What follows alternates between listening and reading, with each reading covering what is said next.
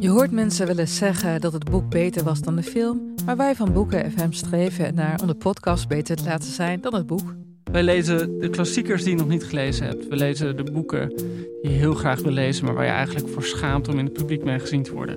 We lezen de Libris-winnaars. Uh, we praten over de Nobelprijslariaten. Allemaal zoals je een etentje hebt. Dat je moeiteloos mee kan praten en dat het lijkt alsof je helemaal belezen bent. Wij zijn Ellen, Joost en Charlotte van Boeken FM. En je kunt ons luisteren in je favoriete podcast-app.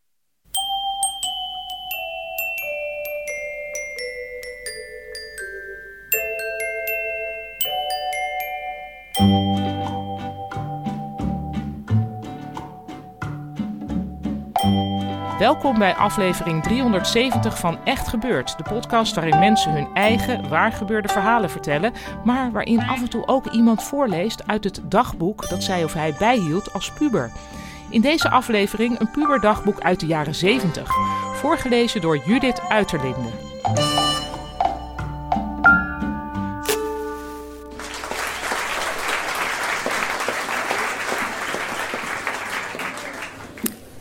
Dag allemaal, dit is mijn uh, puberdagboek. Ik heb er een heleboel van dit soort uh, dagboeken vanaf mijn elfde. Ik ga voorlezen uit een um, dagboek uit 1975, toen was ik 13. En ik lees voor een fragmentje uit een periode dat mijn ouders met een stel andere volwassenen een centraal wonen-experiment deden. Dat was een. Uh, um, ze hadden een jeugdherberg afgehuurd in Overveen. En daar hebben we met z'n 28 of 32, ik weet niet meer precies, maar in ieder geval met een heleboel volwassenen en kinderen uh, drie weken lang geprobeerd hoe het was om samen te wonen met elkaar. En als dat dan zou slagen, dan zou iedereen zijn huis verkopen en dan zouden we met z'n allen uh, in een grote commune gaan wonen. Nou, is het nooit gekomen. Um, ik vond het als kind geweldig leuk, maar sommige volwassenen hadden het wat moeilijker. En um, ik heb een verslag gemaakt van een, een vergadering, een soort evaluatie van uh, hoe de mensen dat vonden, dat uh, samenwonen. Maandag 10 november 1975. Lieve Suzanne, zo heette mijn dagboek. Hi, ik begin de laatste tijd altijd met hi, hè? Nou ja, doet er ook niet toe. Ik vind het hier ontzettend leuk. Iedereen is ontzettend aardig. Ik ben in zo'n korte tijd van al deze mensen gaan houden en ik zal ze ontzettend missen allemaal. Iedereen die helpt je overal mee en er is altijd wel iemand met wie je kunt praten.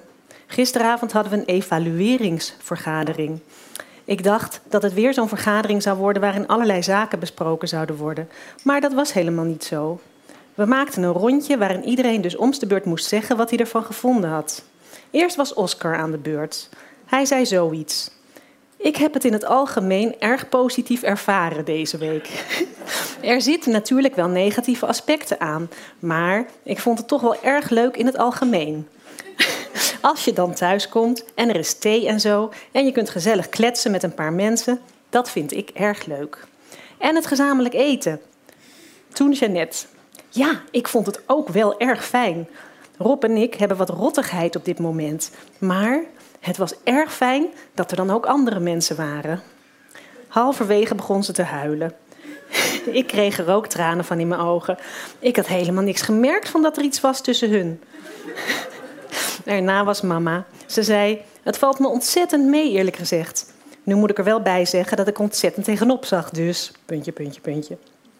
Af en toe vind ik het wel erg lawaaierig, maar ik heb wel erg genoten, vooral van Annette. Dat ging met een knipoog gepaard. Toen Leni. Ik vind het wel erg moeilijk om er wat over te zeggen, want als ik iets zeg, dan denk ik later weer van dat bedoelde ik helemaal niet zo of dat had ik anders willen zeggen. Maar ik kom hier dus in het weekend steeds en ik kom ook elke avond met het eten.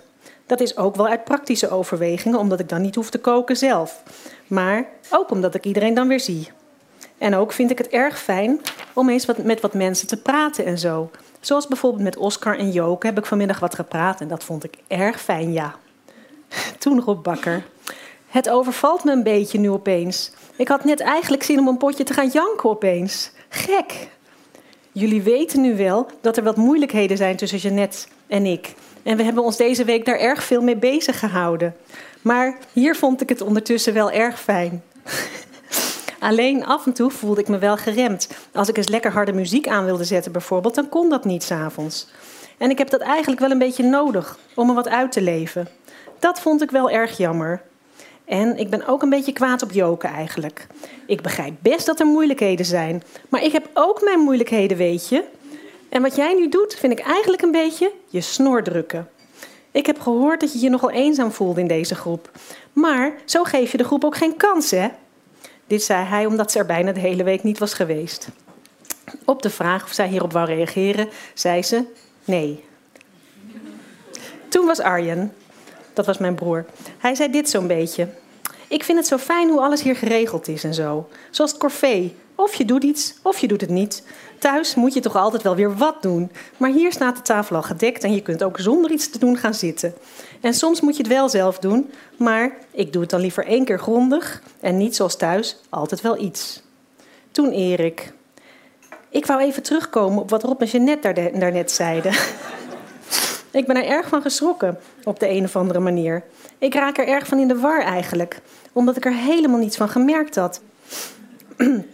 Ik ben deze week al veel van deze groep gaan houden en ik vind het reuze fijn om iedereen te leren kennen en zo. Ik vind het ook wel belangrijk voor mijn opvoeding eigenlijk. Dit was lachend naar heel gericht, zijn moeder, maar hij meende het wel, geloof ik. Toen Herman. Nou, ik vind het wel leuk. Je kunt sommige dingen hier veel beter doen, zoals bijvoorbeeld ontbijten doe je hier veel uitgebreider. Toen Truus. Ik vind het erg gezellig allemaal en vooral de spelletjes vind ik erg leuk en nog wat. Maar de laatste dingen verstond ik allemaal niet zo goed, omdat ik aan het nadenken was over wat ik zelf zou gaan zeggen. Toen was ik. God ja, iedereen heeft al zoveel gezegd. Maar ik vond het ook erg fijn. En wat Hubrecht net zei. Oh, ik ben Hubrecht vergeten. Nou, dat komt straks. Over dat huiswerk ben ik het niet zo mee eens. Ik vind juist dat je hier erg fijn kan werken. Met Truus en Erik als wiskundehulp en Rob als Grieks en Latijn. Dat vind ik juist wel fijn. En ik voel me ook echt opgenomen in deze groep. Ik vind het echt erg lekker allemaal. Hubrecht had gezegd: Ik vind het wel leuk, ja. Er zijn alleen twee dingen waar ik hier niet aan toe kom. Dat is mijn nachtrust en mijn huiswerk. Na mij was Marianne. Nou, ik vind wat Truus net zei over die spelletjes. We hebben eigenlijk nog helemaal geen spelletjes gedaan.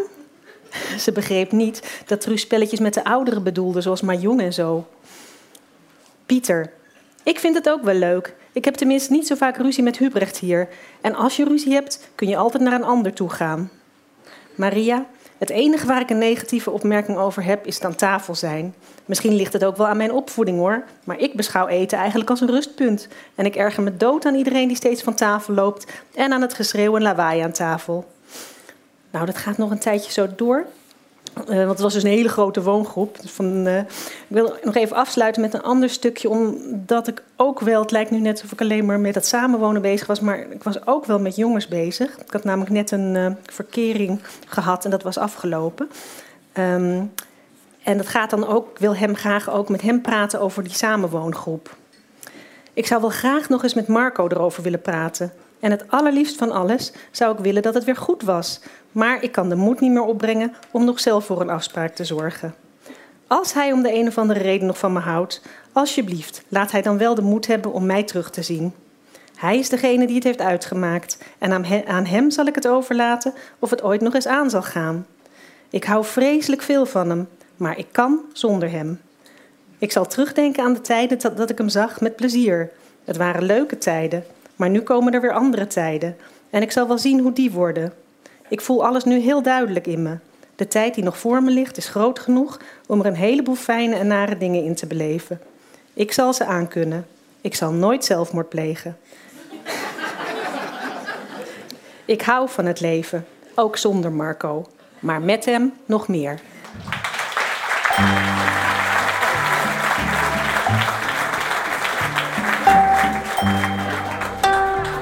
Dat was een fragment uit het puberdagboek van Judith Uiterlinde, die later schrijfster van een aantal boeken zou worden en tegenwoordig uitgeefdirecteur is bij World Editions. En dat is een internationale uitgeverij met vestigingen in Amsterdam, Londen en New York, die naar het Engels vertaalde literatuur uit de hele wereld publiceert. Heb jij ook een puberdagboek waaruit je wel zou willen voorlezen tijdens een echt gebeurd verhalenmiddag? Laat ons dat dan weten via het formulier op www.echtgebeurd.net. Onze redactie bestaat uit Micha Wertheim, Dijke Aarts, Renette Kwakkenbos, Tom van Rooyen en mijzelf, Paulien Cornelissen. De productie doet Hanna Ebbingen, zaaltechniek deed Nicolaas Vrijman en de podcast wordt gemaakt door Gijsbert van der Wal. Dit was aflevering 370. Tot volgende keer en maak eens een rondje om elkaar te vertellen hoe je alles hebt ervaren de afgelopen week.